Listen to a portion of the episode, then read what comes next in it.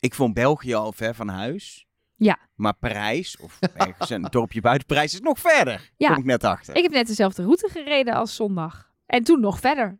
Oh, je bent naar Antwerpen gegaan en toen dacht je, hey, K- Kine- Kine- Kennepolis. Zo diep was ik niet Antwerpen Oh. in. Ik ben lekker langs gereden. Oké. Over de befaamde ring. Ja, wat eh, even voor jullie zijn in, nou bijna in ieder geval in Disneyland Parijs. We, we, we gaan deze week naar Disneyland Parijs. Ehm, maar we nemen nog even op in eh vakantieparkje waar we zitten. We zitten buiten zowaar. Het is niet heel lekker weer, maar we dachten we gaan gewoon buiten zitten. Moet kunnen. En er zijn, het hier wel, er zijn hier wel heel veel ganzen en zo. Dus als jullie straks rare geluiden horen, het zijn de ganzen. Ja, wat, dat betreft hebben jullie een heel mooi uitzicht. Ik ook. Ik zit eh, eh, zowel voetbal te kijken, want als wij dit opnemen is de Champions League halve finale, eh, als het Songfestival staat aan. Oké, dus jij Dus, bent drie eh, dingen tegelijk aan het doen. Ja, eigenlijk wel. Ja, leuk. Ja, maar dat knap. kan ook prima, want een merendeel van deze content die je gaat horen in deze deel B is eh, wel al eerder opgenomen ook. Dus dat gaat wel, dat gaat gewoon prima lukken. Zeker. Nee, zeker. Dus laten we gewoon eh, gaan starten.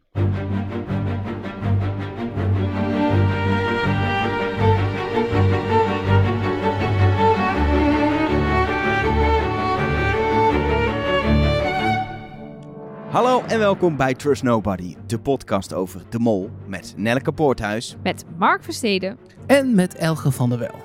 Ja, en ik, ik, ik ehm, moet zelf zeggen dat ik, ik, ben, ik ben nu wel echt bijgekomen inmiddels van, Ja? van zondag. Is de, ben je de schok een beetje Ik, te ben boven nu, ik gekomen? heb nu vooral heel veel zin, ik heb echt heel veel zin in de reunie, in antwoorden, in molacties. Omdat ik het vermoeden heb, als we een beetje wat we nu toe hebben gehoord, dat er wel wat meer molacties zijn en wat sommige dingen ook veel doordachter zijn dan we dachten. Ehm, ik noem maar, dat hebben we natuurlijk in deel A al gehoord. ehm, Geel-groen. Geel-groen, dat heel bewust Comfort wist. Toos en Lancelot zitten op mij. En Ruben zegt het fout, dus als ik het dan goed eh, En zeg. vooral ook, Ruben verdenkt mij ook. Dus die gaat blijven bij de kleur die hij zegt op het moment dat ik de andere kleur zeg. Nou, ik, ik hoop meer van dat. Verrassingen. Ja, er is, wel, er is wel één ding voordat we naar al die interviews gaan. Wat, wat mijn brein nog wel is, ge- is, he- heeft gepasseerd. En dat is dat ehm, eh, we weten dat in de eh, DeLorean-opdracht. Dat wilde ik toch nog heel even tegen jullie aanhouden. We weten dat de Mol, Comfort, 6 uit 10 heeft gescoord. Ja. Ik heb wel het idee, aangezien zij de allerlaagste was van dat moment. dat er al heel veel mensen goed zaten. Ja. Dat is denk ik een juiste conclusie. Want toen dat in de finale voorbij kwam en ik nog volledig in mijn Lancelot-tunnel zat, dacht ik, oeh, dat is best veel nog 6 op 10. Want wij zeggen Nou, altijd, sterker nog, ik zei het tegen jou. Ik zei, Ja. oh, dat is best veel. Dan denk ik niet dat dat de, de laagste score is. Want heel vaak is de laagste score echt, nou ja, zeker aan het begin gewoon één of twee. Van mensen die meteen een soort tunnelvisie in zijn gaan. En daarna, ja, vier of vijf. Daar vliegen echt best wel veel mensen op vier en vijf eruit. Dus zes is best wel hoog. Ja. Ja, eh, wat wel, wat wel interessant is, we hebben, we hebben al eh, stiekem een heel kleine sneak preview gehad van Gilles. Die heeft ons iets verteld over wat er in de reunie gaat zitten. En in de reunie gaan we sowieso eh, meer krijgen over de tactieken die mensen hebben toegepast bij het rode scherm. En Ja. hoe dat is gebeurd. Ik denk dat ze heel open gaan zijn over die hele rode scherm eliminatie. Dat heel veel antwoorden krijgen. En dat, ja, dat, was wel dit natuurlijk... Ja, maar ze gaan straks. niet al zeggen daar de- hoeveel mensen er goed zaten. nou, maar Maar heel stel die andere zes. Maar als, als die alle zes goed zaten, gaan ze dat niet Ja, Ja. zeggen. maar dat kan, dat kan bijna niet. Want tenminste, wat we hebben gezien in de vooruitblik is ook dat bij de handpop van de mol bijvoorbeeld Thomas nog op Toos zat. Die zei in ieder geval, hoi Toos. En toen moest Comfort heel hard lachen. Dus ik vermoed dat die dacht dat Toos de mol was. Maar het kan natuurlijk wel zijn dat mensen altijd Comfort een beetje hebben meegenomen. En dat helpt natuurlijk al. Als je van de 20 denkt, ik vul een kwart op haar in. Ja. Ja, dan kom je ook, dan zijn er vijf. En dan heb je toevallig nog een 60 goed, omdat jouw andere mol bij haar in de groep zat. En dan kom je ook een heel eind. Ja, een soort comfort in de mix meenemen. In, op, als je op een gegeven moment inderdaad drie of vier spreidt. Ja, zit, zit je dan op haar? Ik vind je zit op iemand als je echt... In ieder geval bij hoe heet de mol die naam invult. Maar ook als je eigenlijk op een gegeven moment je test daar vol op invult. En de rest echt hebt weggestreept.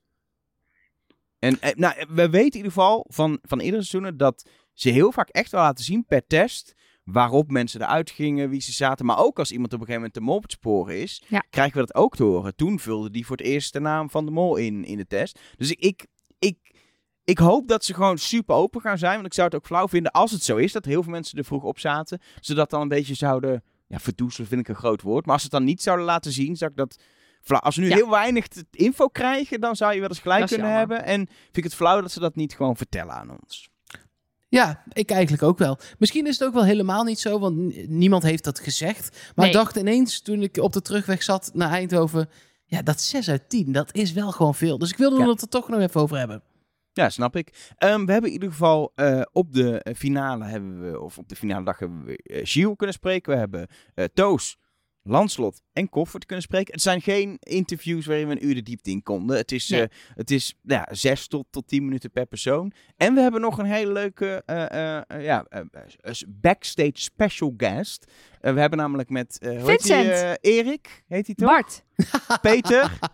Wouter. Nee. Wout, even wel eren wie eren toekomt. Ja. Want hij is wel, nou ja, een van de creatieve breinen achter gewoon het programma De Mol. Eh, eh, en is ook alweer bezig met komend seizoen. Dus hij is wel echt eh, een, een van de breinen. En het, ik vond het wel leuk om ook heel even hoe hij dan voelt hoe dit seizoen is gelopen. Om dat dan even te horen. Ja, hij is voor duidelijkheid, hij is eh, eh, de, de eindredacteur van het programma op dit moment. Dus Ja. hij is dan redactioneel, niet over in beeld, want dat is de regisseur, maar over inhoudelijk is hij, is hij de, de grote baas van de mol. Ja, en wat ik, heel, wat ik heel leuk vind, het is helemaal niet een baastype. Het Nee. is gewoon een hele lieve, leuke man die volgens mij gewoon met heel veel plezier dit programma maakt. Ik denk dan altijd eindredacteur die nee, maar moet... dit zegt heel veel over jouw eigen baas.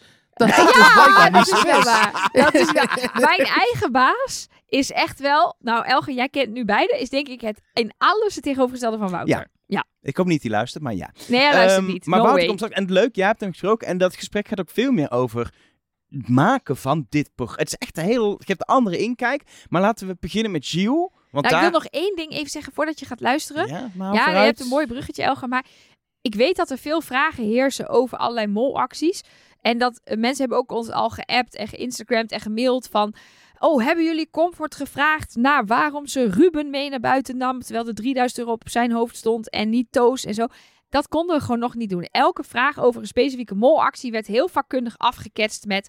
dat ga je zien in de reunie. Daar blijven natuurlijk altijd na zo'n reunie ook nog vragen over. En hopelijk krijgen we nog mensen daarna ook nog te spreken. Maar dat is dus geen onwil van ons geweest dat we ze niet het vuur aan de schenen wilden leggen. Maar daar was het gewoon nog geen tijd voor, voor die antwoorden. Komt allemaal nog. Precies. Al merkte ik in zeker in gesprek met Gilles, laten we daarmee beginnen, dat hij al best open was tegen ons. Zo. Ja, Gilles, gefeliciteerd met weer een seizoen. Dankjewel. Ik ben heel blij dat het voorbij is en dat alles netjes op antenne is geraakt en dat er eh genoten is geweest. Enfin, dat hoop ik toch. Hoe, hoe was dit seizoen, zeker vergeleken met het, met het vorige seizoen? Waar natuurlijk, ja, daar vielen er drie geblesseerd uit en daar gebeurde van alles. Nu is gewoon volgens mij gewoon alles goed verlopen, toch? Ja, er zijn eigenlijk vier kandidaten overleden, maar we hebben die nog rap vervangen dan. eh, Nee, ja, die vraag wordt ons vaak gesteld, maar we hebben er eigenlijk niet te veel over nagedacht tijdens opnames. Eh, omdat je vorig jaar vooral hebt geleerd dat dat nulrisico niet bestaat. Dus wij wilden vooral volle bak gaan en onze wildste dromen waarmaken. En dat is in sommige gevallen gelukt, in andere iets minder. Ehm, dus we hebben daar niet bij stilgestaan. Eh, buiten dan wat ik in een aantal interviews heb gezegd, ze hebben wel opgewarmd voor Skeeter hen mocht vangen met de lasso. Want anders hadden we een beetje, we waren bang dat er een hele scenario zou kunnen volgen waar iemand zich plots uh, Ook jullie leren bij. Wij leren bij, wij zijn nooit te oud om te leren, ja. ja. Nee, wij, wij kregen na vorig seizoen de geruchten door, ja, dit was eigenlijk de laatste, maar ze gaan nu nog één revanche seizoen maken. Maar dat was allemaal niet zo dan. Uh, nee, dag Elger. nee, nee, revanchegevoel is zeker niet. En ik weet ook niet waar die geruchten vandaan komen. Want het is niet dat dat zo op tafel heeft gelegen, of alleszins zeker niet concreet. Um, dus nee. Dan, over dit seizoen. De mol. Hoe blij ben je met, uh, met deze mol? Ik, met deze mol, uh, de figuur, de persoon? Ja, ja, en ook als mol. Ja, dat bedoel ik, ja. Ik ben er heel blij mee. Uh, omwille van haar, uh, hoe zal ik het zeggen? Ze, ze, kon alle registers bespelen. Ze kon heel brutaal dingen doen mislukken. Ze kon heel slinks dingen doen die je dan volgende week maar gaat ontdekken. En ze kon zich heel snel uh, aanpassen aan wat gebeurde. En ze was ook niet bang om risico's te nemen. En dat is een heel fijne cocktail. Dus het is een top madame en het is ook een top mol voor mij. Hoe lekker is het voor jou dat jij er nu weer over kan praten? Want jij moet elk jaar gewoon een half jaar ook weer je mond houden. Ja, dat is leuk, maar het is tegelijk ook niet leuk. Want nu weet iedereen wat ik ook weet en heb ik dus geen voorsprong meer op de mensen. Um, maar ik ben vooral blij voor hen dat ze nu, uh, ja, dat zij mogen stoppen met, met slinks doen en zwijgen. Ja. Wat was voor jou uh, voor dit seizoen persoonlijk het hoogtepunt? Bepaalde actie, bepaalde opdracht? Ik, eh, ben, ik, de speedopdracht vond ik heel leuk, omdat die eh, technisch bijzonder uitdagend was. En ehm, er was een kans dat dat om drie uur s morgens zou klaar zijn geweest. Maar het is gelukt tegen ondergaande zon. En, en dat autootje is kapot gereden. Er is iets heel vreemd gebeurd met een gele en een groene kleur. Ze hebben een verkeerde materiaal meegenomen van bij de FBI. Dus dat was, ja, dat was heel tof. Ehm, en ook spectaculair en ook wel adrenaline gedreven. Ehm, en naar een molnorm is, dat was best wel een uitdagende. En als die dingen lukken, dan word ik heel blij. Net als de western-aflevering. Eh, we hebben ons geweldig geamuseerd met het schrijven van scenario's en voice-overs. En eh, Je bent ineens vervangen als live voice-over. ja, ik heb hem ginder wel gedaan. eh, live, maar het moet wel in thema blijven. Je moet daar echt een Amerikaan met krakende stem hebben. Ehm, maar ik heb hem ter plaatse wel gedaan om ze goed te kunnen uitlachen. Want ik ken ze. Een Amerikaan zou ze niet kennen en zou minder ehm, ja, dat, dat, die reflex hebben. Deed je het daar ook al wel in het Engels? Of weer gewoon... Absoluut, wel in het Engels. Ja, ja, dus, en dan kan je ook niet weerstaan aan het idee om Lancelot iets in het Engels te laten zeggen en hem dan te kakken te zetten. dat, dat moet, hè. Ja. Jullie hebben heel veel aan, aan film- en serie-referenties gedaan. Volgens mij las ik al wel dat eh, jouw favoriete serie Better Call Saul is. Nou, daar kunnen we elkaar de hand in schudden. Maar waarom, hoe was dat voor jullie? Is dat lekker om zo'n overkoepelend thema te hebben? En hoe werkte deze? Het is, het is bijna automatisch, omdat je in Amerika, dat is het land van de film, en iedereen kent of heeft die films doorgaans wel gezien, de meeste dan toch. Dat inspireert je. Eh, dus je, je, je kan dan heel makkelijk een speedopdracht verzinnen, omdat je daar heel weinig uitleg bij nodig hebt. Iedereen weet wat de bedoeling is. Eh, Back to the Future, helder. Die auto gaat naar het verleden. Je moet daar heel weinig uitleg bij geven. Ehm, Western, ja natuurlijk. Als je in mescal kan gaan draaien, dan moet je daar een, een aflevering mee maken. En nu ook de proloog van de finale is een, eh, een ode aan eh, Romeo en Juliet. Van, in de film van Baz Luhrmann begint dat ook met zoiets. Ehm, maar ook omdat wij met een tv-figuur hebben gewerkt eh, die dag. Dat, gaat, dat is een natuurlijk proces, daar zit geen groots plan achter. Maar je kan niet in Amerika gaan draaien zonder een vriendelijke knipoog naar alle films te doen. Ja. Moeten we het nog over twee dingen hebben die jullie dit seizoen hebben toegepast? Dan doen we als laatste het rode scherm. Ja, Ja, ja nee, maar daar einde, ik denk we doen het eerst leuk. En dan gaan we het daarna hebben over het rode scherm. Maar maar dus Elger en Elke staan kwaad te kijken van op een meter en dat wordt steeds kleiner. Dus ik ben aan het... Jij gaat alvast rennen bijna. nee, la- laten we eerst nog heel even de proeven. Die hebben jullie, eh, of de troeven, sorry. Eh, die hebben jullie op een, op een andere manier aangepakt dit seizoen. Door er Ja. iets anders tegenover te stellen. Kun je eens uitleggen hoe dat is ontstaan en waarom jullie dat gedaan hebben? Wel, het dateert al van in het seizoen van Duitsland, waarin bleek dat geen enkel troef, ik zal het even zo noemen, een pasvraag of een vrijstelling, bestand is tegen eender welke keuze. Er wordt altijd voor gegaan en dat is, een, dat is geen dilemma niet meer, er zat, er geen spanning meer op. Dus wij hebben het meer op een, laat ons zeggen, overkoepelend ervaring. Ofwel de troef, ofwel de ervaring. Ofwel ga je met een stuntvliegtuig eh zotte dingen doen, ofwel kan je kans maken op pasvragen. Ofwel ga je voor een vrijstelling, maar je loopt wel het risico dat je de, de rest van de aflevering niet bij bent. Dat soort dingen. Ehm, ja, daar zat ook nog wel een potentieel gevaar achter de vrijstellingen in het motel. Maar goed, dat is niet gebeurd. Dus dat Kun je weer meenemen naar volgend jaar. eventueel, als het zich eh, We daartoe... zijn ook nog steeds op de doos van Pandora aan het wachten. Dus je hebt een lijstje. We hebben een serieus lijstje, ja. Ehm, maar dat, dat is wel een bewuste ah, zet. Dat is een bewuste evolutie van onze kant. En ik vond het wel interessant om te zien hoe daar is op gereageerd. Ja, dat wel. Ja. Ja, dan toch het, het rode scherm. Daar, jullie hebben mij in ieder geval 100% om de tuin geleid. Want ik dacht, ja, dat kan niet. Ja. Maar het kan wel. Dat is een heel grote redeneerfout, want je zou nooit een opdracht in een reeks steken waar de mol niet kan zitten, want dan zouden we jullie alle drie de sleutels geven tot het terechtschrappen van de kandidaat die daarin zit. Dat, dat kan je nooit doen. Dus televisietechnisch en ook wel in de geest van dit spel kan je dat niet doen. Bovendien is het ook aangekondigd als een spel waar geld eh, mee te... Test hoorde bij een opdracht. Ja, ja, maar zo is het ook uitgebreid uitgelegd aan die kandidaten, dus die waren er wel allemaal in mee. Eh, maar een spel waar geld mee te verdienen is, hoort in de reeks.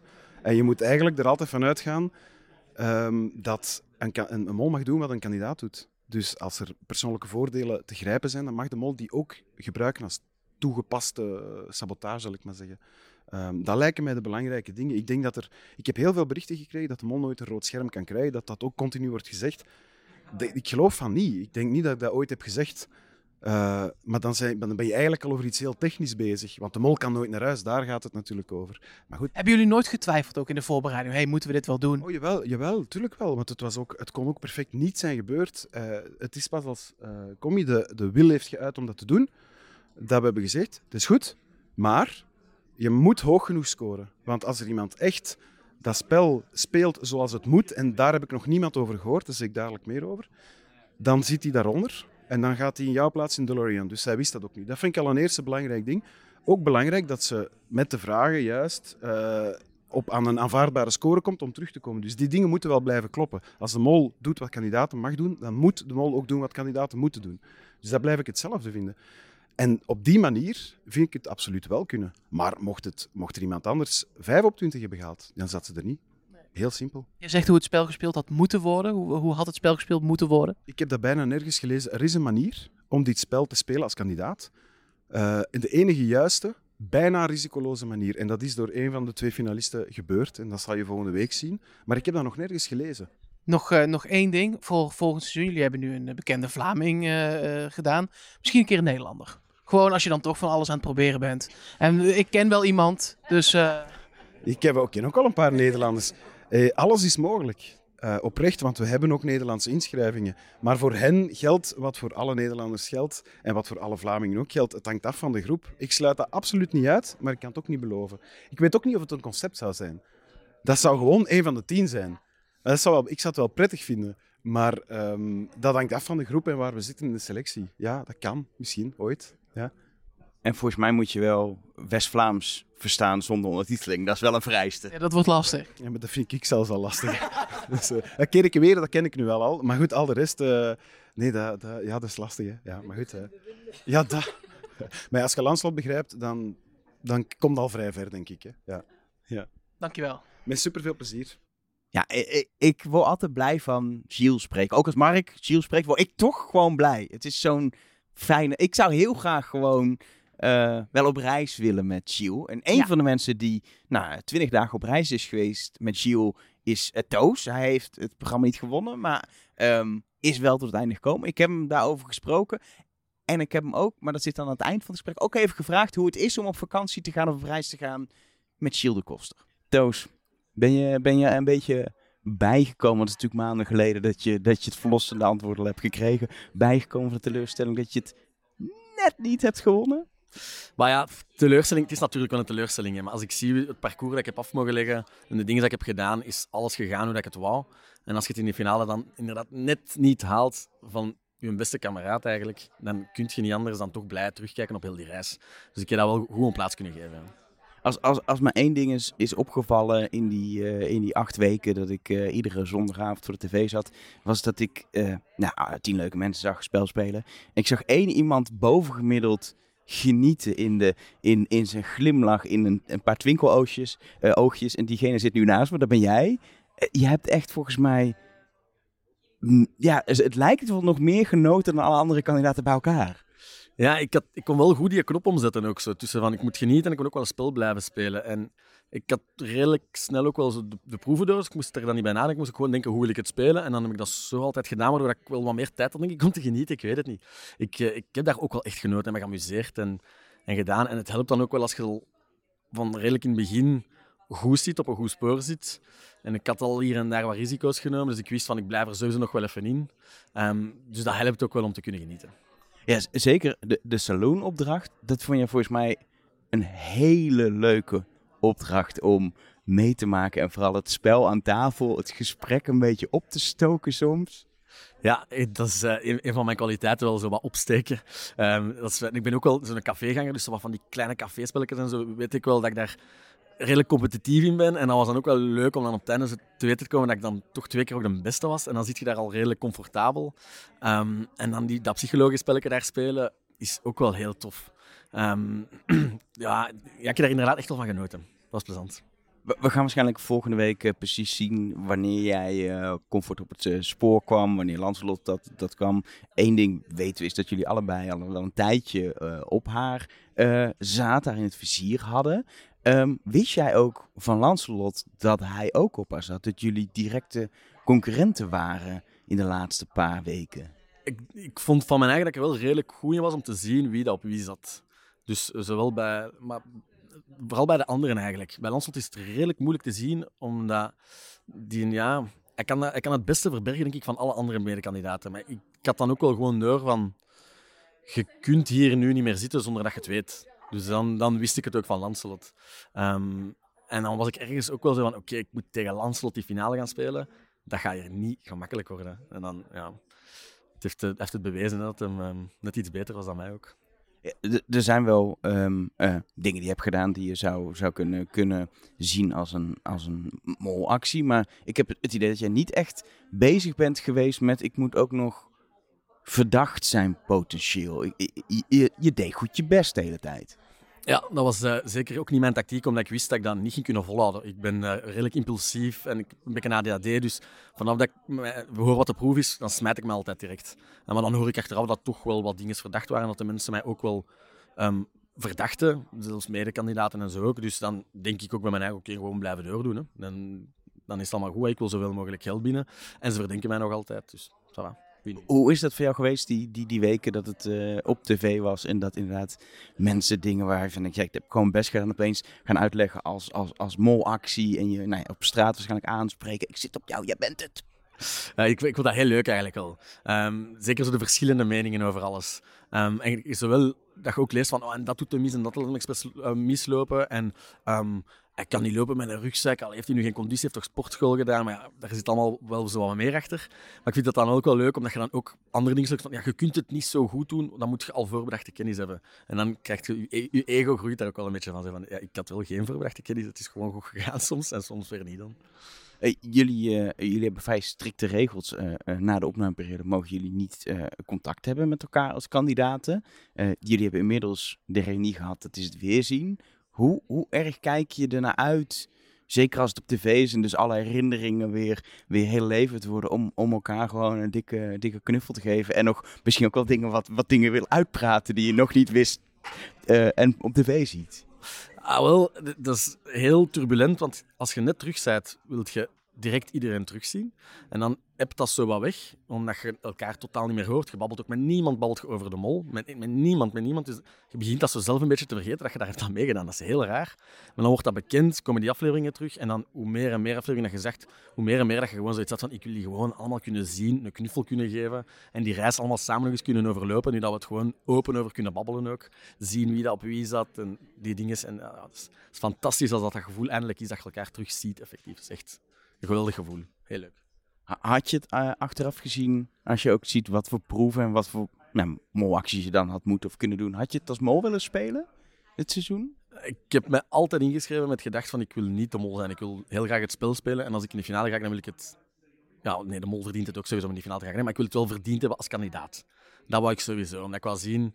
Omdat ik van thuis altijd dacht dat ik wel goed kon meespelen. En dan wou ik zien, kan ik dat ook in tech doen. En ik ben heel blij dat ik die finale wel heb gehaald. Ja.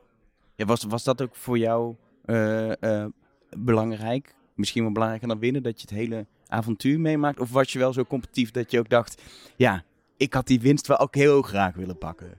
Uh, dat is, um, ik, ik, ben daar vertrokken met het idee ook van, er is maar één doel eigenlijk en dat is alles meemaken. Dat is eigenlijk mijn eerste doel. Want veel mensen dat ook zo zeggen, tot daar raken of tot daar raken of tot aan bezoek. Maar dat had ik eigenlijk niet. Ik echt die finale halen, want anders ja, was ik teleurgesteld voor mezelf wel. Dus ik was altijd super blij dat die finale had gehaald. En dan wou ik kei graag winnen. Echt super graag winnen. Ik ben echt competitiebeest. Ik wil winnen als ik ergens aan meedoe. Zelfs als speel ik met mijn klein neefjes, ik ga winnen. Dus ja, het net niet winnen dan is niet zo leuk. Maar ik zeg het, in de setting dat het gebeurd is, viel het allemaal goed. Hè. Heb, je, heb je wel even gevloekt of, of valt dat mee? Ik vloek wel wat vaker. Ook als, er, ook als er proeven wat mislukken en zo, wordt er wel wat gevloekt. En ik ben dan vaak boos op mijn eigen en dan zo wat lastig, maar dat gaat redelijk snel weg. Um, naar niemand wrok toe, naar niemand echt boos toe, buiten op mezelf af en toe. Maar daarna is dat terug met de glimlach en een mop kunnen overmaken en ik kan er ook gewoon best mee lachen. Heb je een favoriete proef? Favoriete proef is uh, uiteraard stuntvliegtuig. Ik denk niet dat je vaak zo'n kans krijgt om zoiets te doen. Um, maar de paardenproef staat echt wel nipt op twee. Dat is een hele leuke proef. De rodeo met paard achter u komt lopen. Zot veel adrenaline in je lijf. Heel leuke proef. Ik denk dat het iets is wat je... Eh, het ziet er veel spannend uit, maar ik denk dat je dat moet ervaren hoe, hoe heftig dat is als je zo opgejaagd wordt, of niet? Dat is heel heftig. En je hoort dat paard ook echt al van ver aankomen. Echt. Je kijkt niet achterom, hè. je wilt gewoon vooruit kijken en zo snel mogelijk lopen. En dat is een paar keer zo nipt geweest dat dat paard u net niet heeft. Dat dat, ja, je bent altijd kapot en je zegt, ik kan niet meer lopen, ik kan niet meer lopen. Ga je toch terug die arena in, toch terug adrenaline, toch terug vol erin gaan. Ja, dat is zot, dat is waanzin. Dus nu allemaal mensen luisteren en die, die, die beginnen inmiddels te schreeuwen, denk ik, naar hun oortjes of een autoradio waar ze naar luisteren. Stel eens een vraag over die vrijstelling. Die Kamer voor Vrijstellingen. Jij durft het niet aan volgens mij? Of gaat het echt om het geld dat je hem niet hebt gepakt? Ehm, het is wel effectief zoals ik zei. Ik ga beslissen als ik in de kamer ben. En ik kom daar in die kamer en je hebt al direct Lieselot dat zegt, ik pak geen vrijstelling, jij mocht ze hebben. Dus die werpt dat in mijn schoot. Ik mag kiezen wat ik doe, maar ik wist hoe goed dat ons groepgevoel was. En ik wist dat ik ook al redelijk goed zat op die moment. Dus eigenlijk had ik die vrijstelling misschien niet nodig. Als ik zat genomen en ik was toch fout geweest, was dat gewoon uitstel van executie geweest, was ik eruit geweest. En dan had de groep met mij niet meer alle informatie kunnen delen. Wat dat wij nu altijd met alle tien samen deden. En dat was ook een paar keer gezegd, we doen het daarna niet meer met u. En dat wilt je niet, want dat is het belangrijkste dat je nodig hebt om zo ver mogelijk te raken. Dat is informatie over wie dat waar heeft gezeten, wie dat waar heeft gegeten, wie dat waar heeft gedronken. Al die dingen moet je weten. Dus ik heb dat afgewogen en dan gezegd, oké, ik ga niet de vrijstelling nemen, zodat ik wel nog informatie krijg van mijn medekandidaat. Op het moment dat je dan de volgende ochtend de test maakt, een groen scherm krijgt, dan, dan is het goed. Dan weet je dat je ook de goede keuze hebt gemaakt. Het heeft nog 3000 euro geschild qua, qua kapot. Uh, maar daar zit een periode tussen, een nacht en een, en een ochtend. Heb je, heb je nog 10, 20, 30 keer achteraf gedacht, kan het toch moeten pakken of valt het mee? Ik ben ook wel altijd van, als het moment te laat is, is het te laat. Ik kan er nu niks meer aan veranderen, dus ik zet het van mij af. Maar ik heb wel nog even gevloekt van, maar je zal nu echt een onnozelaar zijn en je het slechtste voelen. Er is geen slechte manier om eruit te gaan dan nu, want je had de kans om er nog langer in te blijven. En dat heb ik wel even gezegd, maar dan als dat goed scherm kwam, dan was het goed vergeten gedaan. Het is goed. Laatste vraag. Hoe is het om drie weken op reis te zijn met Gilles de Koster? Heel leuk. Um, maar die zijn daar ook natuurlijk wel nog altijd aan het werken. Dus wij kunnen dan hier en daar wat meer genieten, omdat we wel van die wachtmomentjes af en toe. Um, en dan leert je vooral de medekandidaten goed kennen. Maar uh, Gilles de Koster valt beter mee dan dat lijkt op tv is wel lang, hè? Ja, hij is wel groot. En iedereen is ook altijd fan. Dus Silver Fox, hij krijgt heel veel aandacht als je weg ook in Amerika. Ja, het is... Het is uh, ja. Dankjewel. Goed, graag gedaan. Ja, die heeft toch, hij heeft toch aantrekkingskracht blijkbaar, Gilles. Ook in Amerika zelfs, waar ze hem helemaal niet... Het is niet omdat hij dan bekend is, maar die man heeft iets, ja. iets over zich heen. Ik weet niet hoe hij het doet, want hij is... Ik vond hem zondag ook gewoon weer zo amicaal en gezellig. Kan ook gewoon je buurman zijn, zeg ja, maar. precies. Het is aan de ene kant, hij is is echt een leuke man, maar hij stelt je ook heel erg op, op je gemak of zo. Ik weet niet, ik ben, ik ben nooit ongemakkelijk als ik hem zie. Nee. Uh, jij, Mark, jij hebt uh, uitgebreid uh, gesproken met, met, met Lancelot. Ja, en dat was tijdens dat jij toast sprak. Dus ik vond dit ook wel gewoon even leuk om te horen. want ik stond in de andere hoek van de persruimte inderdaad met de, de winnaar van, van de Mol. 27.000 euro ruim. Um, ja, en ik, ik kijk, Lancelot uh, werd uh, tijdens de persdag een aantal keer gedold door zijn medefinalisten dat hij altijd van die lange antwoorden gaf. Maar ik heb daar helemaal geen last van gehad. Ik vond het echt een leuk gesprek. Ja, Lancelot, je had, uh, je had mij te pakken, je had Nelke te pakken, je had Elger te pakken. En volgens mij had je jezelf ook nog wel een beetje te pakken. Ja, klopt. ik denk dat iedereen heeft kunnen zien dat ik eventjes in de war was. toen het, het scherm aanging bij mij. niet omdat ik niet blij was, in tegenstelling, maar ik had het eigenlijk even niet verwacht. Uh, je moet weten, jullie zullen dat ook gezien hebben. Uh, het moment dat die laptop ziet gaan en het moment dat het scherm brandt, ja, je ziet de zon zakken. Dus je zit daar eigenlijk wel even te wachten. Dat gaat niet over twee minuten. En op dat moment kunnen heel veel beginnen nadenken. Uh, heel de test overlopen. En op dat moment ook echt te twijfelen aan een bepaalde vraag. heb ik die nu wel juist ingevuld? En ja, de twijfel was zo gigantisch groot dat ik mezelf had voorgenomen dat ik ging verliezen. Omdat je één vraag verkeerd had ingevuld voor jezelf? Eén of meerdere ja, ik kan wel streng zijn voor mezelf. En ik wist dat ik ergens een fout in was gegaan. Ik zal het zo zeggen. Um, en, en op dat moment twijfel, twijfel. En dan had ik mezelf mentaal voorbereid eigenlijk om als verliezend finalist het vliegtuig op te stappen. Um, maar ja, blijkbaar allemaal niet voor niks. Dus uh, dat was uh, echt wel ontlading. Nadien ook. Ik wist even niet wat zeggen tegen Gilles. En dan, ja, super fijn. Maar ik heb het Toos echt, echt ook heel erg gegund. Uh, dat weet hem en dat mag je hem nog eens weten. Um, we waren zo'n goede klik tussen ons twee, maar eigenlijk tussen ons drie allemaal.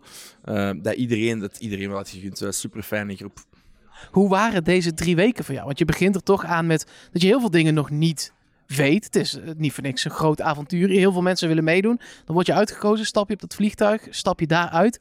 En eh, hoe heb je die drie weken beleefd? Wat is een soort overheersend gevoel? Ja, ehm, het overheersend gevoel is dat het spel eigenlijk nooit stopt. Je zit er gigantisch mee bezig, of toch wel zo iemand als ik mezelf. Ik heb mij ook weinig voorbereid, buiten alles nog eens proberen opnieuw te zien. Maar dan heb je daar ook veel tijd om na te denken, hoe ga je dat spel nu aanpakken? Dus Je had niet van tevoren iets bedacht. ik had dan bijvoorbeeld mijn eigen boekje mee op het vliegtuig. Eh, en daar was ik dan zowel over aan het mijmeren van hoe, welke vragen zouden kunnen gesteld worden, hoe gaan we dat aanpakken, statistisch, eh, hoe pak je de grootste groep mee. En dan begint je eigenlijk, naarmate dat dat spel vordert, ehm, en dat- ook na de eerste test, dan heb je echt temperatuur kunnen meten van hoe ziet zo'n test eruit. En dan kun je echt, dan is het spel begonnen en dan kun je echt gaan zien, oké, dat moet ik onthouden, dat moet ik opschrijven, daar moet ik mee bezig zijn, daar moet ik mijn focus op leggen. Ehm, en het spel stopt nooit. Anderzijds, ja, ik drink graag een pintje, de toos ook, nog andere kandidaten ook. Dus s'avonds gaat die, die druk er ook wel af. Eh, maar echt zo genieten van de reis. Je bent ook een poppetje dat overal naar, van links naar rechts moet. Kun je dan ook weer niet. Want het is niet dat je zegt, ik pak nu de auto en ik ga eens naar de Grand Canyon rijden. Dat gaat niet, hè. Eh, dus je blijft wel gigantisch in het spel zitten. Dat, zo kan ik me herinneren, ja. Ja, nou is dat natuurlijk ook eh, waar je je voor inschrijft van alle proeven die je hebt gedaan. Welke opdracht was er nou het, het allerleukste? Waar heb je het meest plezier aan beleefd? Echt fun, fun, fun. In action, de postkoets. Dat was voor mij echt lachen. Eh, ik, ik hou van dieren. Kun je het inmiddels? Eh, ja, die vraag is al eens gesteld. Ja, dat dacht ik al.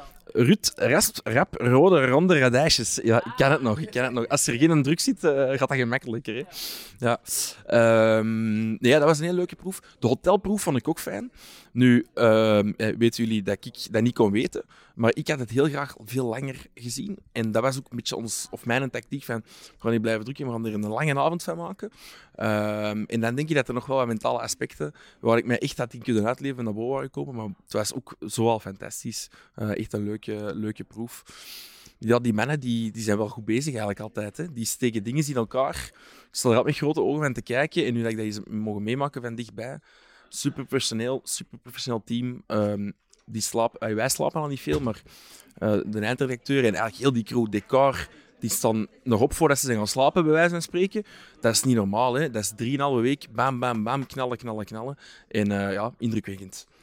Je zei net voor een aantal journalisten al, ja, ik had, kom je in ieder geval al heel snel op mijn lijstje staan. Wat was de actie voor jou waardoor je dacht, die moet ik in de gaten gaan houden? Ehm, wel, de actie eh, begint al bij aflevering 1, hè. Je hebt de slackline. Ik was er zelf niet bij, maar dat is misschien eigenlijk goed dat ik er niet bij was. Ik heb dat gehoord. En da- daardoor zit hij sowieso al mee in je riedeltje van kandidaten waar je op gaat spreiden.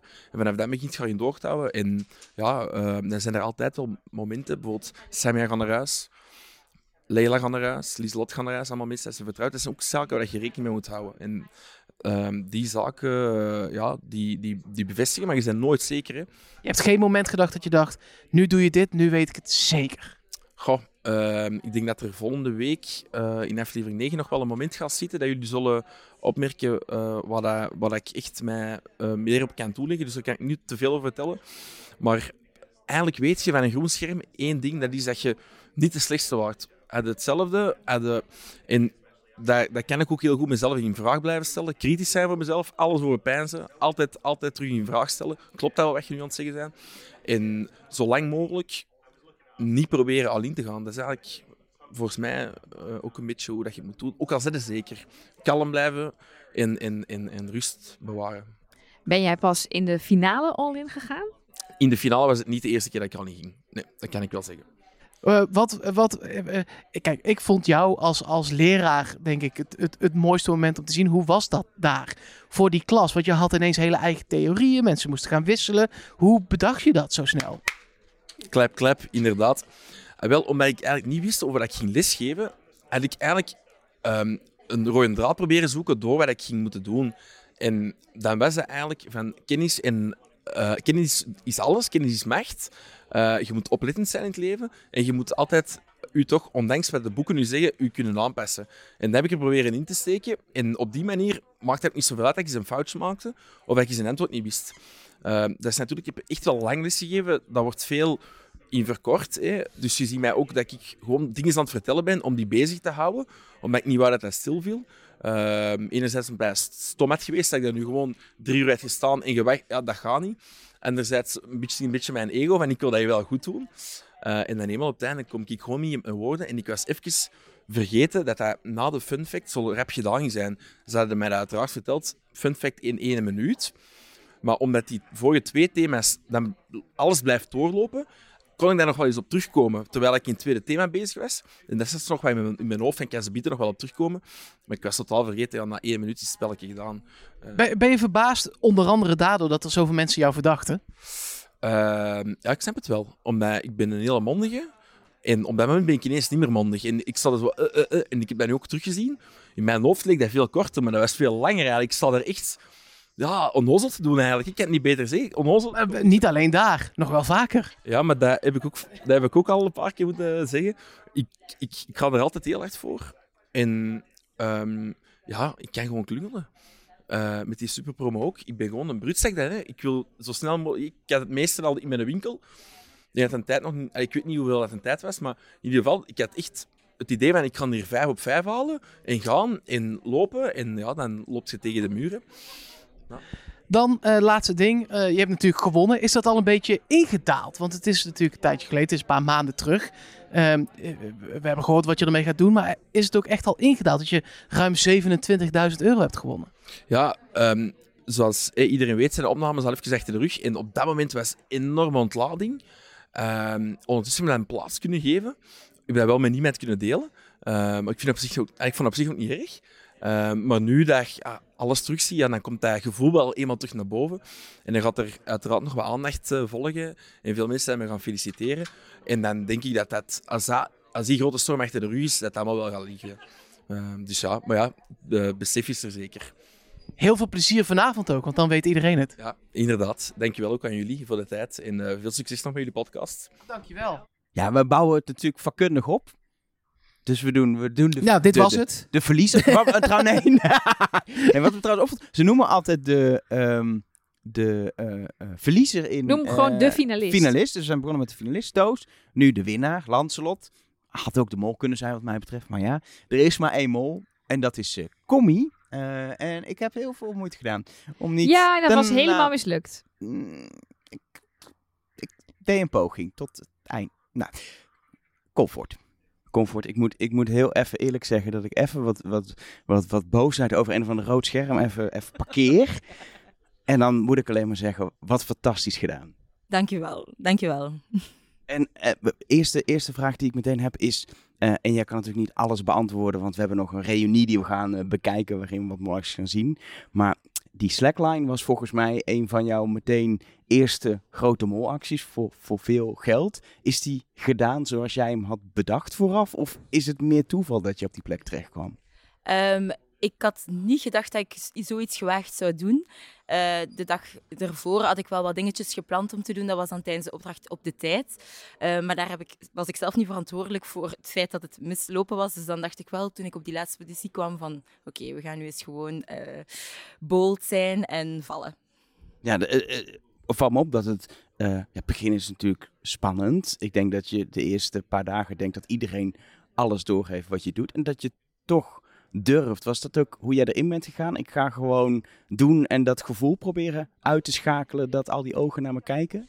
Ehm, ja, de beslissing is genomen, hè. Dus dan moet je er ook wel moet je het ownen of zo. Maar ik moet wel toegeven dat het heel spannend is op het moment dat je dan terugkomt van die slackline. Hoopt je wel van, oké, kom ik ermee weg? Oké, blijkbaar wel. En dat geeft dan ergens wel een boost om het zo verder te doen. Langs de andere kant denk je dan wel, het mag ook wel soms eens wat subtieler. En dat heb ik ook wel gedaan. Wat, is, wat is een moment dat je denkt, dat heb ik wel kunnen mollen, maar dat was heel subtiel, waar je heel trots bent dat dat het zo subtiel was? Als ik daarop antwoord, ga ik denk ik al heel veel prijs geven. En dat is juist het surprise effect, is dat de subtiele dingen, ehm, dat die dan heel mooi in, de, in aflevering 9 kunnen uiteengezet worden. Dus daar ga ik nog eventjes voor mij houden. Wat ik wel al kan zeggen is, ehm, de opdracht in de zoo lijkt het alsof dat ik niet gemold heb, maar daar is zeker wel gemold. eh. Oh, dat gaan we zien in de, in de reunie. Ik ben heel benieuwd. Wat, wat we sowieso wel hebben gezien, ook al in, in, in eh, het einde, is dat jij eh, toch degene was die het eitje van Lancelot kapot hebt gemaakt. Ja, die valt in categorie stoere molacties met volgens mij ook heel veel risico. Of was je echt alleen en was er heel kleine kans dat je gezien werd? Eh, nee, ik was zeker niet alleen. Op dat moment waren we allemaal samen in het huis. Het voordeel daar was denk ik dat we nog met heel veel kandidaten waren. Dat er altijd een beetje chaos heerst en dat het ook niet echt opvalt als je heel eventjes verdwijnt. Het was echt een nu of nooit moment. Dat was in een split second moest die beslissing genomen worden. En eens dat je begint, moet je het ook afmaken, want anders valt je door de mand. Dat is uh, ja, risicovol. Eh, je hebt ook een ander eitje kapot gemaakt. Mag je daar al iets over zeggen? Ja, er waren twee eitjes stuk. De andere was van Connie. En ik denk dat tot het moment dat Connie het zag, ze altijd geloofd heeft dat ze daar zelf verantwoordelijk voor was. Dus daar ben ik ook wel redelijk trots op. Dus we gaan een hele verbaasde uh, Connie zien uh, in, de, in, de, in de uitzending van volgende week. Oh, wat leuk. Um, uh, ze zeggen wel eens dat de mol een fantastische rol moet spelen, maar het is natuurlijk ook een hele eenzame rol. Hoe, heb jij die drie weken ervaren? Gewoon als mens als mens is het zo dat er zijn heel veel spannende momenten die voor de andere kandidaten op dat moment helemaal niet zo spannend zijn.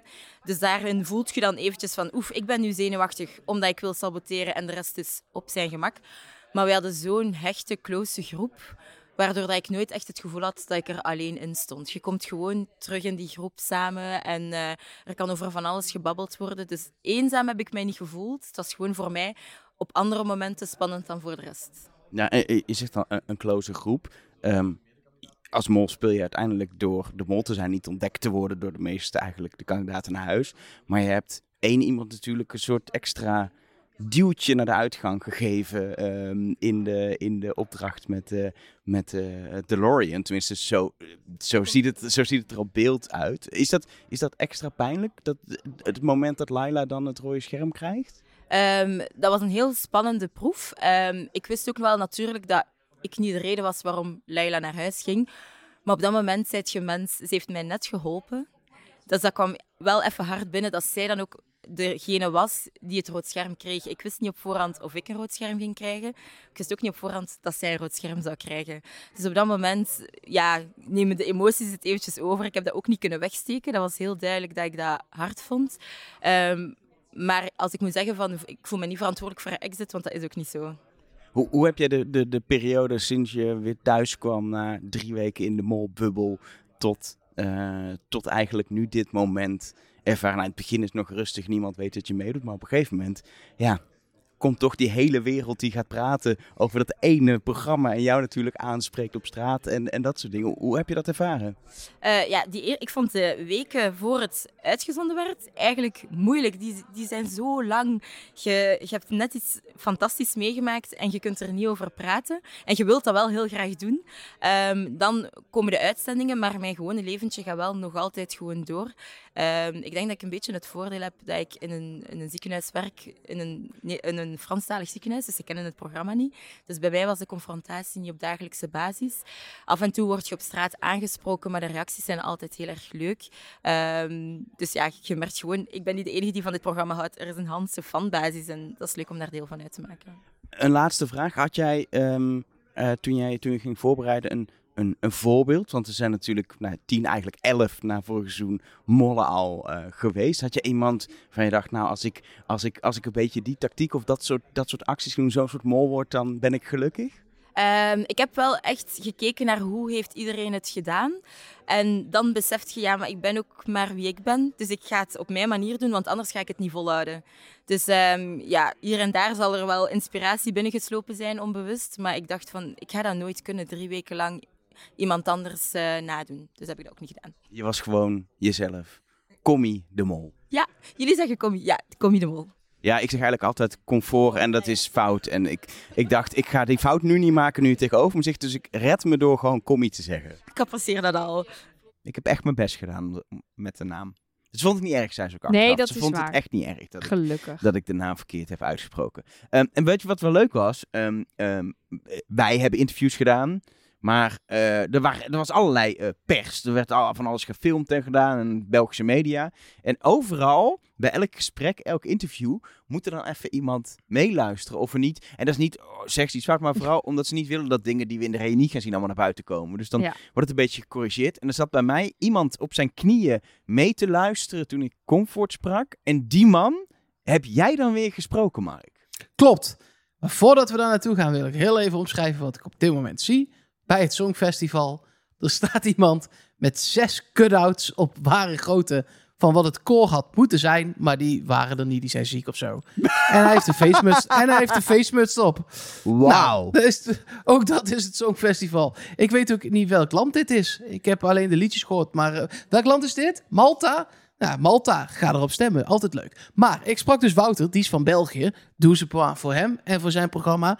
Ehm, en heel interessant om te horen hoe ze dat inderdaad maken. En wel nu alvast leuk. Hij heeft dus toegezegd dat hij binnenkort wel wat langer met ons wil praten. En dat vind ik dus super interessant. Oh, dat kijk Want- ik zo naar uit. Dat lijkt me fantastisch. Ja. Moeten we dan weer over die Belgische wegen?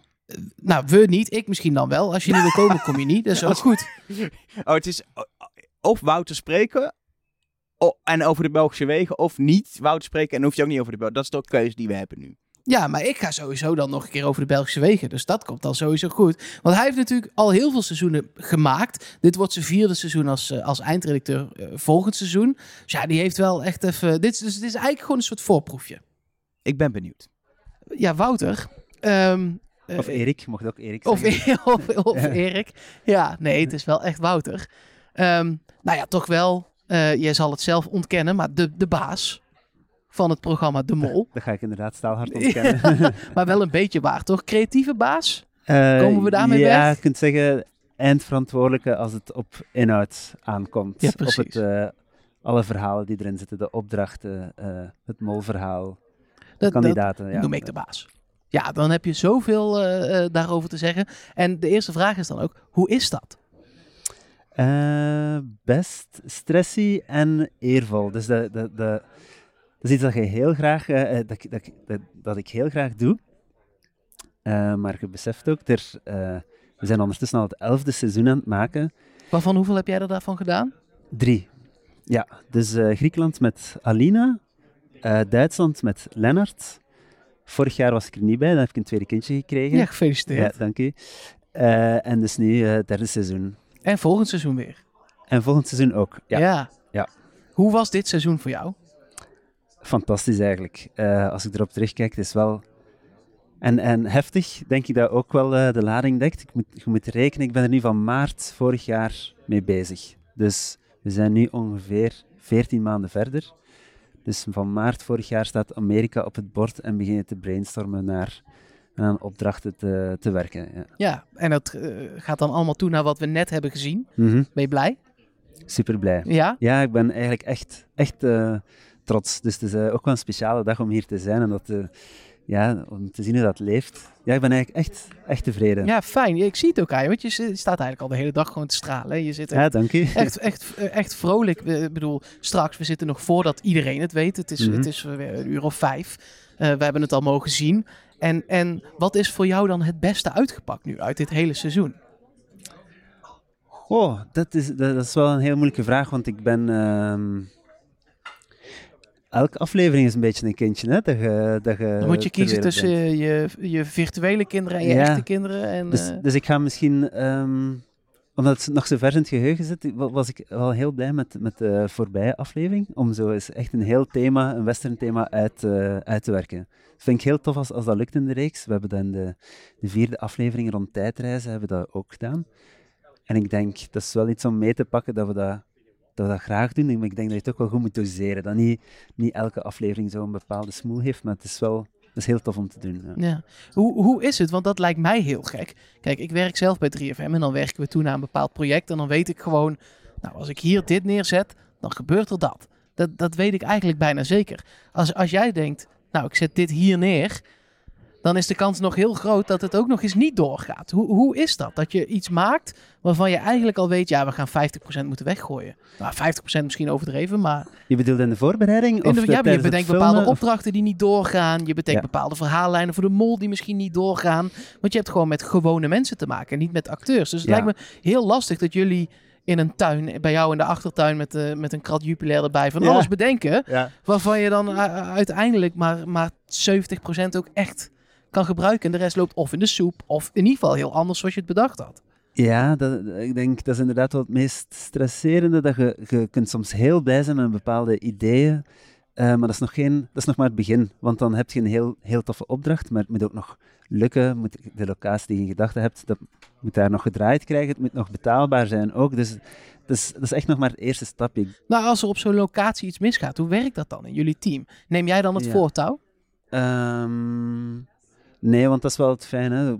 Je, zit met een, eh, met een eh, redactie van ervaren makers. Dus ehm, nee, je zit wel met, met een, een hechte eh kernklik die zich daar dan over buigt en zo snel mogelijk een nieuwe, nieuwe oplossing zoekt. Ja.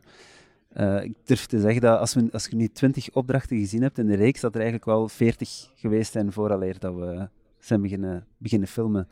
En daarvan ziet je er een paar toffe wegvallen. Ehm, zoals met die, met die bunker, hè. Die, dat was echt een... ehm, daar waren we heel blij mee. En vlak voor ik op, op, eh, op vakantie ging, dan krijg je te horen van... Ja, de raad van bestuur ziet het toch niet zitten dat we hier zouden filmen. En er was een raad van bestuur die ook nog een andere, een andere locatie had. Die is ook geskipt. Oh. Eh, en die is ook niet in de reeks terechtgekomen. Dat was ook een hele toffe opdracht, maar daar kunnen we dan misschien volgend jaar iets mee doen. Ja, precies, want je bewaart het natuurlijk wel Zeker. voor eh, het komend jaar. Kun je al iets verklappen over volgend jaar? Hmm.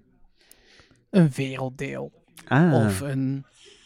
oké. Het is eh, niet Amerika.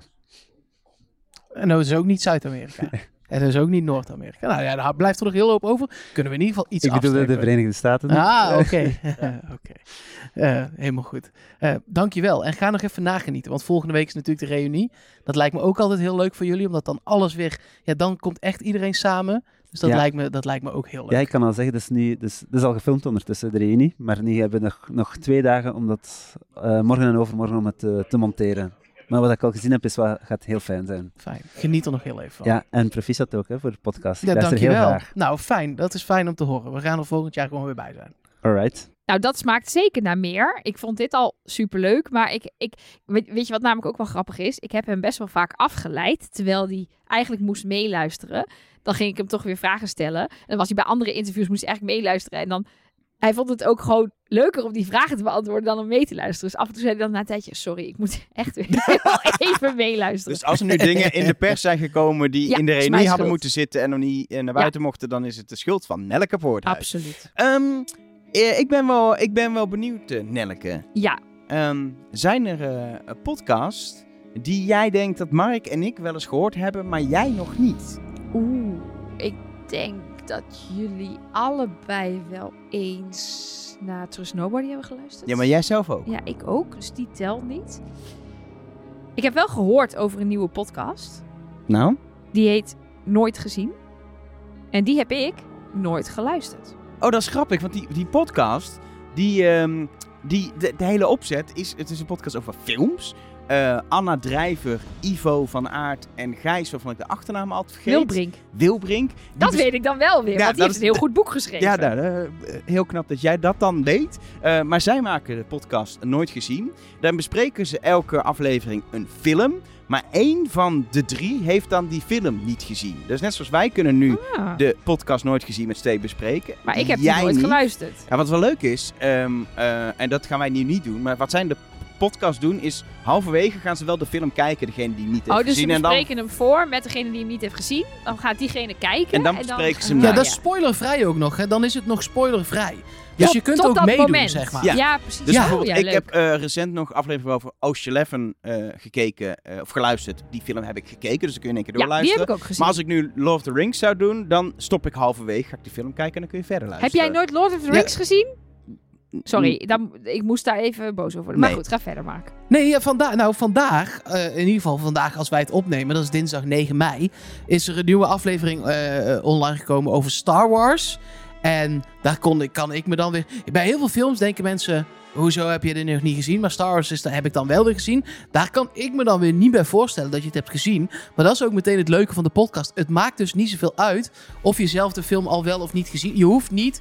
Ik als totaal niet filmliefhebber vond dit ook een leuke podcast. Omdat je zeker in het eerste deel dan ook super erg mee kan leven. En je wordt soort van blootgesteld aan wel de top 100 IMDb. En want ik heb wel even de pareltjes ertussenuit. eh ge- dat zijn bijna alleen maar pareltjes. Maar die ik ook kende, Ja. wel van naam. Die heb ik er tussenuit gevist. Die ben ik even gaan luisteren. En ook gaan kijken. Dus je wordt ook gewoon even filmisch bijgestudeerd.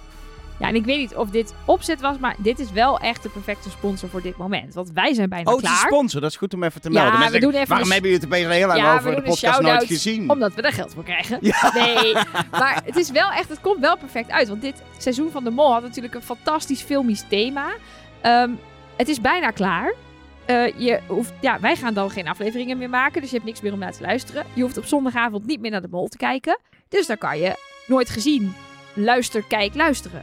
Heb Dus, je wat te doen het me leuk. komende half jaar. Ja. Dus eh, eh, check die podcast uit. En het leuke is, kies gewoon een film Check uit. die podcast uit. Ja, dat is heel hip. Nee, dat is gewoon een anglicisme. En dan kies je gewoon inderdaad of juist een film die je gezien hebt en denkt, dat vind ik leuk dat ze daarover praten. Of eentje die je nooit gezien hebt. Eh, maar je kan bij elke aflevering beginnen en de podcast uitproberen. Hij is te vinden in nou, iedere podcast-app die je kan bedenken. Van Overcast of, of weet ik veel, Pocketcast tot gewoon Spotify, en Podimo. Het kan overal de podcast nooit gezien. Er is nu een eh, man in een wit gewaad. Oké. Die is zojuist uit een bloem gekropen. Dit is Servië. En die is nu zijn, ik denk, demonen. eh, bij hun allemaal, het is een gevecht, denk ik. Bij al zijn demonen, wat ook zijn dansers zijn, een rookslang uit hun anus aan het trekken. En Wat? daarna zijn ze dood. Ik vind het echt Ja. de raarste Ja. Champions League halve finale die er ooit is geweest, Mark Versteden. Nee, ook, ook dit was weer het Songfestival. Servië speelt geen eh, Champions League halve finale. Op dit moment van opnemen is het, na 22 minuten in de Champions League, nog 0-0. Nou, bedankt voor het bijpraten. Dank voor de update. Eh Nelleke, Ja, Ehm, jij hebt, als het goed is, ondanks onze trip naar Parijs, ergens onderweg de hotline bijgewerkt. Ja, zodat we wat leuke berichtjes kunnen hebben. zeker. Ja, de hotline was ontploft.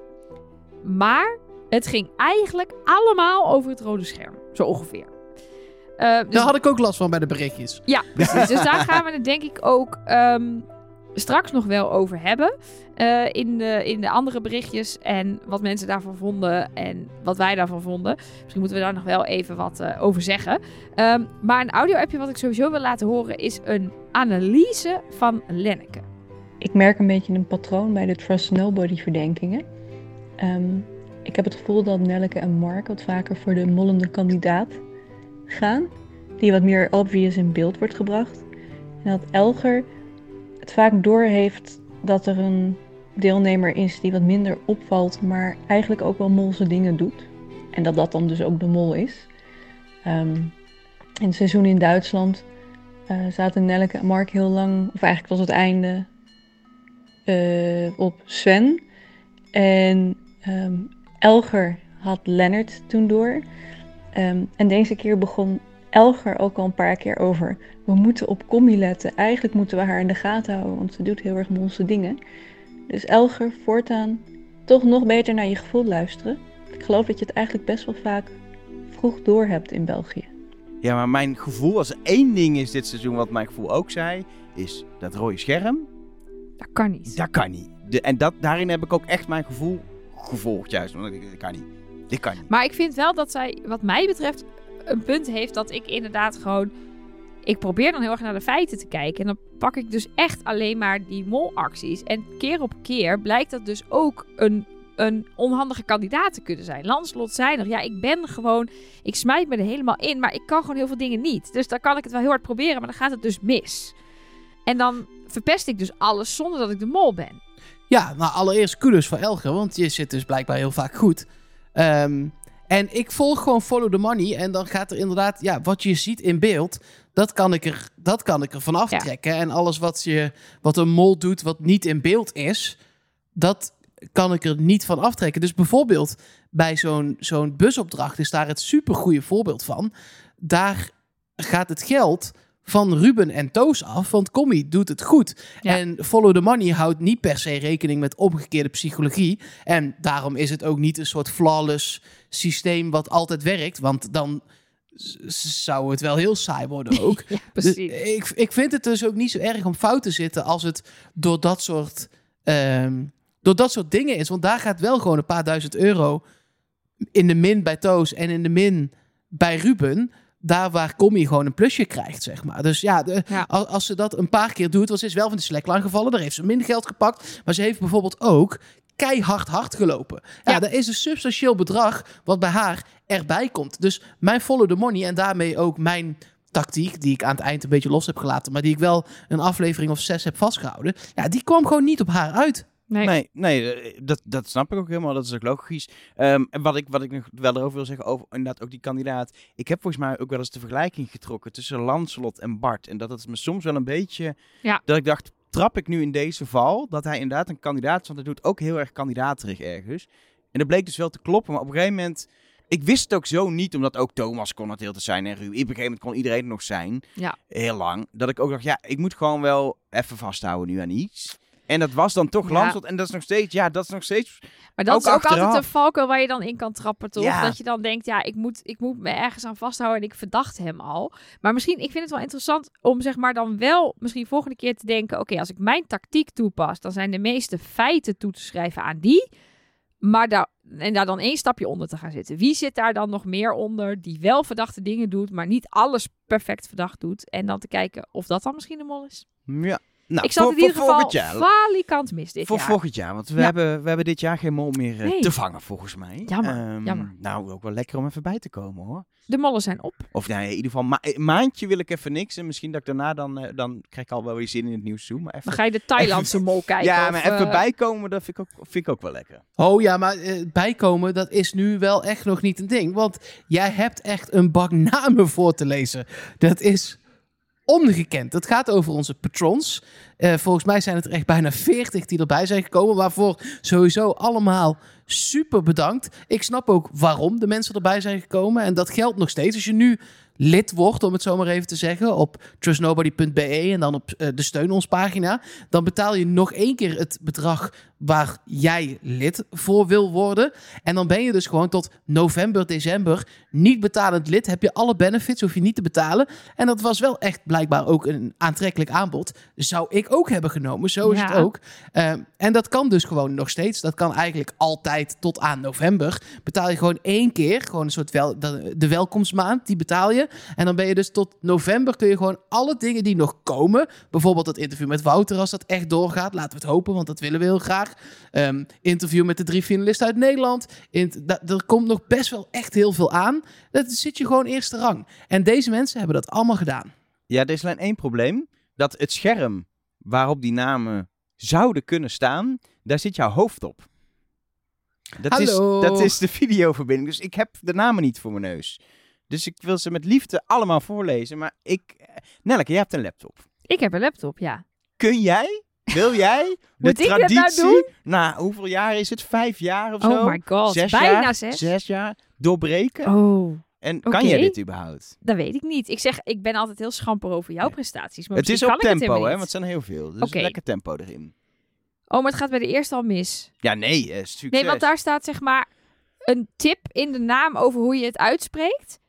Maar er staat Dit zeg duurt maar... al te lang. Dan staat dan zeg maar, Nee, dit duurt al te lang. spreek uit als Charmaine of Charmine. Doe gewoon je ding. Eh, oké. Het ding is dat je het fout uitspreekt. Ik ble- bleek zelf die, die meneer Hupplepupkoff uh, Ja, verkeerd. Keith. die Keith had heb ik, je eh, verkeerd, oh, Myers, verkeerd. Myers, Myers Kof of Co? Co. Co. Co. Co. Myers Co. Nou ja, Zo, in ieder geval... heb ik al verkeerd Maar uitgesproken. goed, dus- oké, gaan we.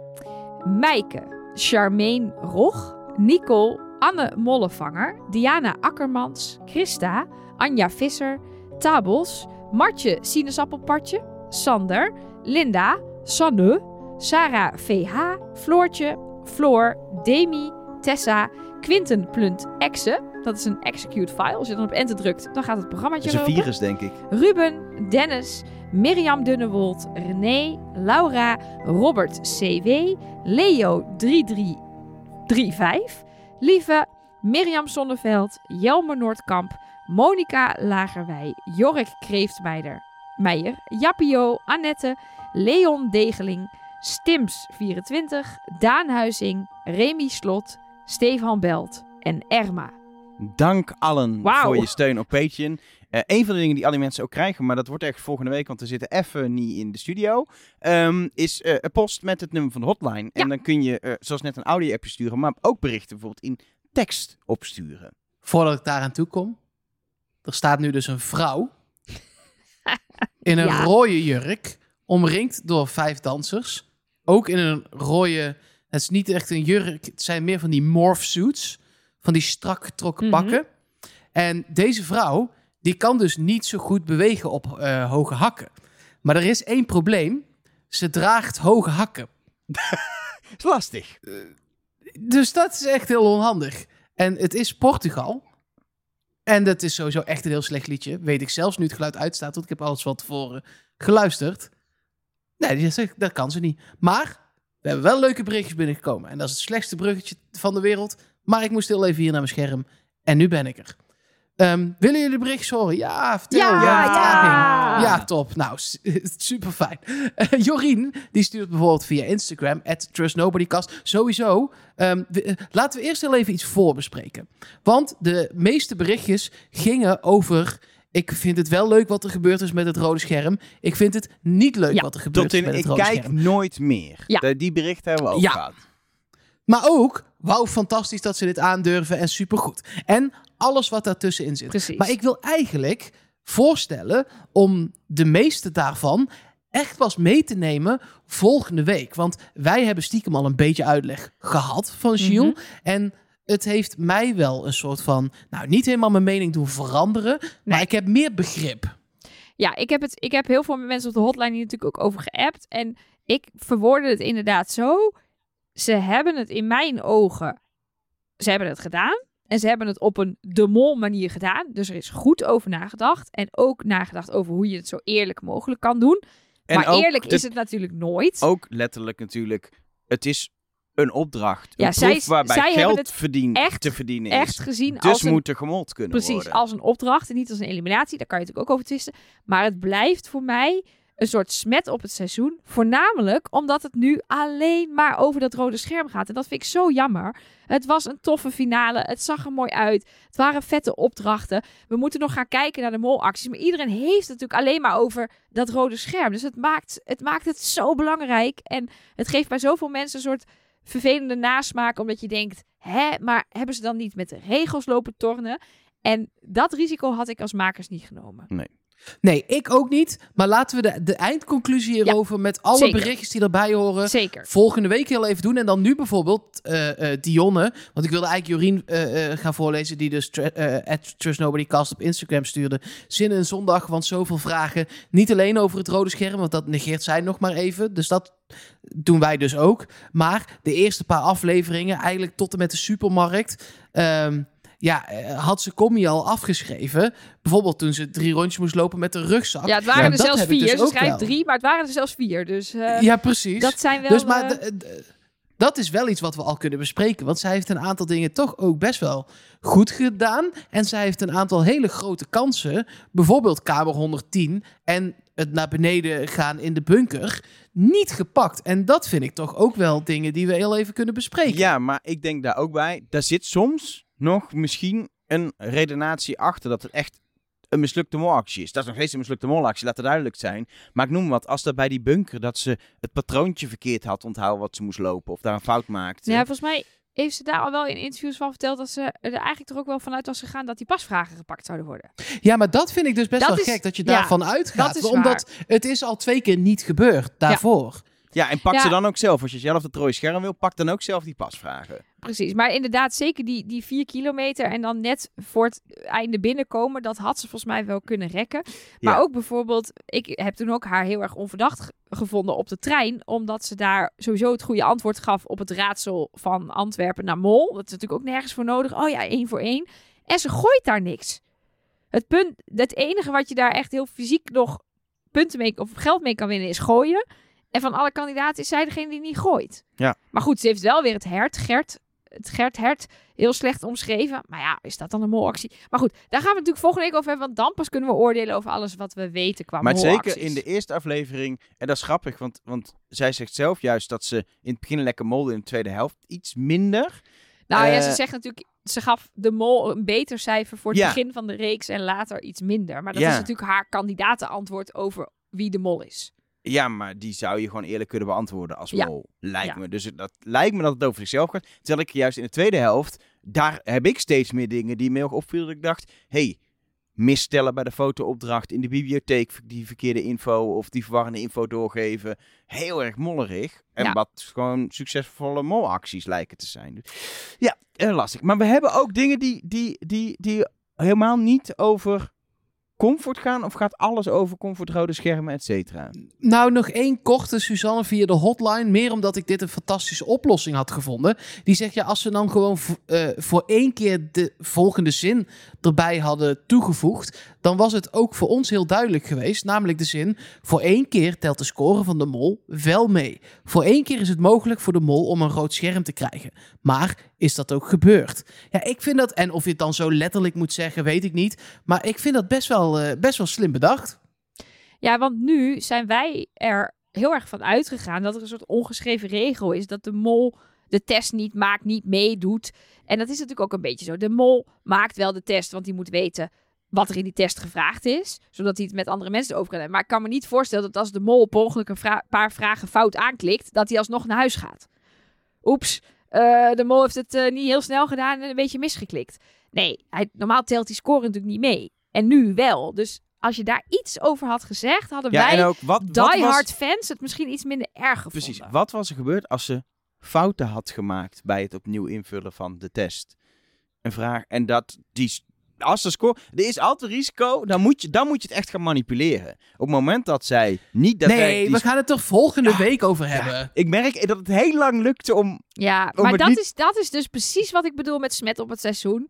Je komt er gewoon niet onderuit om het erover te hebben. Want het is gewoon het ding. En dat vind ik gewoon bijna jammer. Want Ja. er is zoveel vets gebeurd. Er zijn, waren zulke goede opdrachten. Maar daar gaan we het ook over Nou, maar hebben. daar stuurt bijvoorbeeld Dionne een berichtje over via de hotline. Die zegt ook, ja, maar wat was het toch gewoon echt een supergoed seizoen. En ook een supergoeie laatste aflevering. Want daar gaat deze aflevering van de podcast natuurlijk ook gewoon over.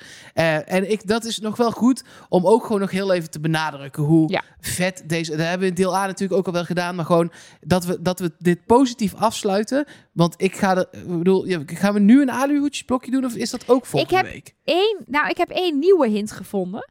Eh, dus die wil ik eigenlijk Maar is die even- positief? Want ik wil er zo graag positief uit. Ja, dit is positief. Dat is een hele mooie hint. Nou, lekker. ja, Nee, Ja. want ik sloot nu positief af en dan pak jij ook positief. Dan zeg jij daarna nog een keer heel positief. Trust nobody. En dan is het gewoon... is alles dan positief. doen we net of het... Ja. Nou, niet... Ja, maar wel het einde. Ja, maar je zegt nu, dan doen we net of het positief was. We zijn ook positief. Alleen dat rode scherm. Maar goed. Ehm, nee, ja, kijk. Ik was al tot de conclusie gekomen. Ondertussen, overigens, staat hier een mevrouw. In een soort... Nee, het is een meneer, sorry, denk ik. Met een snor en een jurk. Ja, ook dat Songfestival. Kan gewoon allemaal. Ik vind dat mooi. Ik vind dat ook mooi. Ehm, maar goed, ik was al tot de conclusie gekomen bij het terugkijken naar alle hints. Dat er eigenlijk niet heel veel soeps tussen zat. En dat ik het idee had dat we de hint nog niet gevonden hadden. Dit heb ik buiten de microfoon op tegen Shiel de Koster gezegd. En die zei, ik kan me voorstellen dat jij niet heel tevreden was over je eigen hints. Oei, oké.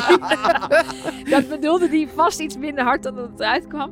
Maar, Toen eh, hoorde je allemaal mensen op de achtergrond. Oh, snap! Hij heeft natuurlijk verder nog niks losgelaten over die hints. Maar eh, Peter die stuurde naar de hotline een hint van het eh wieisdemol.com forum van eigenlijk al een tijdje geleden, 11 april. Waar ik of overheen gelezen Mooi. heb, of... Echt mooi. Wat mooi. Wie is de mol Comforum? ja, Dat was de hint! Dat was de hint! Ik snap hem. dat kan niet anders. Dat kan niet anders. Ehm, nee, maar het is dus een hint van eh Marie VWAE. Ma Marie. Marie. V- Nou, dit is net zo moeilijk als onze Patreon-namen uitspreken. Maar ehm, eh, 11 april heeft eh, deze persoon het al op het forum gepost. Dus ik denk dat ik er of overheen gelezen heb. Of misschien toen heb gedacht, omdat de hint natuurlijk over comfort gaat. Dat ik hem toch vanuit mijn tunnel heb afgeschreven. Maar ehm, er zit namelijk sowieso gegarandeerd een hint in de krant. Dat heeft Shiel namelijk Ja. laten weten. Hij stuurt elk jaar altijd een berichtje op de mollengroep op Facebook en ook op het forum. En daar post hij altijd wat wist je datjes en dingen. En deze keer was het eigenlijk een uitdaging aan de molloten. Misschien moet je eens even goed, nog een keer goed gaan kijken, want er zit wel degelijk een tip in. Nou was mensen al opgevallen dat er iets niet klopt met het weerbericht. Daar staat eh, graden in Fahrenheit. Eh, en wat bijvoorbeeld ook opvalt, is dat het s'nachts helemaal niet afkoelt. Terwijl dat juist in zo'n woestijnachtig eh, omgeving koelt het s'nachts juist heel erg af. Ehm, dus ja, er klopt niet, ehm, eh, daar klopt iets niet mee. Er staat ook ergens sunny als het helemaal niet warm is en zo. Dus daar klopt iets niet mee. Deze persoon zegt, als je de graden Fahrenheit omzet naar graden Celsius... en je gebruikt de getallen van de temperatuurverschillen... dus er staat een ochtend, een nacht en een dagtemperatuur. Je pakt dus de temperatuurverschillen, je zet ze om naar graden Celsius... dan kan je die graden komen ook voor in coördinaten. Dan kan je in plaats van de gewone graden, kan je er coördinaten van maken. En waar komen die coördinaten uit? In Cameroen. Wauw. Het land waar kom je Ja, vandaan komt. vet. Ik heb wel Ja. een beetje halverwege dat ik denk... De, er wordt blijkbaar geklaagd over dat land, Landslot lange verhalen vertelt. Maar dit tipt denk ik de lange verhaal van Landslot. Maar toen je uiteindelijk bij het punt kwam wat de hint was, Ja. denk ik wel... Die is inderdaad wel eentje... En wel uit te leggen. Je laat Ja. die krant zien. Je zegt, deze weer, dit weerbericht is raar. Verschil tussen dit en dit is zoveel. Dit en dit is zoveel. Je zet het om naar Celsius. Bam, coördinaat. Ja, Nou, ik vind, ik vind als dit daadwerkelijk een hint is wat ik dan hoop, vind ik het een mooie om eh, deze podcast mee af te sluiten. We hoeven geen rondjes te doen, schijnt. Ehm, ik denk dat ik wel weet Ik zeg. Lancelot.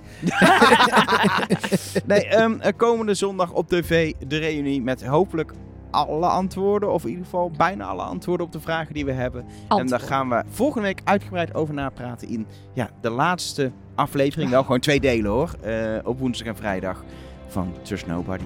Voor nu, geniet ervan. Van het, Het einde is al van donker bij jullie ook. Ja, het is inmiddels helemaal donker geworden. De muggen zitten in mijn nek, mijn oren en tussen mijn tenen. Dus eh, wij gaan naar binnen. Trust nobody.